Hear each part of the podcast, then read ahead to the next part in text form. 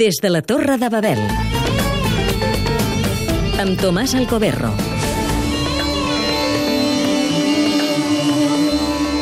El camí més segur per arribar a Damasc és la carretera que surt de Beirut, perquè quasi totes les altres són perilloses. Des de fa uns mesos, la històrica ciutat dels Omeies s'ha convertit en front de batalla.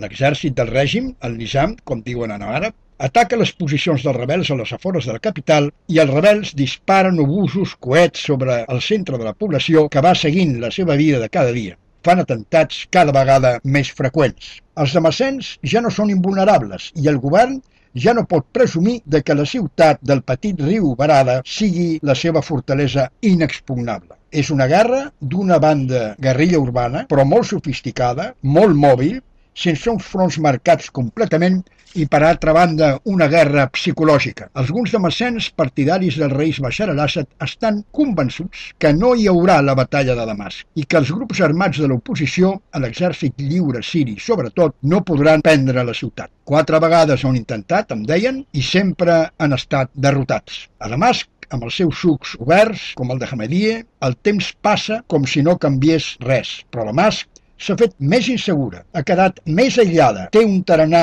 més trist. A molts dels seus barris hi ha grups armats dels comitès populars per protegir els veïns, per ajudar a l'exèrcit regular molt ocupat amb les seves tasques de lluitar aquí i allà contra els rebels. La situació política està completament estancada, sense cap possibilitat de compromís polític. L'exministre i exambaixador Moshen Bilal m'assegurava que l'any que ve es faran eleccions, que el president Al-Assad es presentarà i que les guanyarà una altra vegada. Sembla que la guerra síria s'allargarà escandalosament.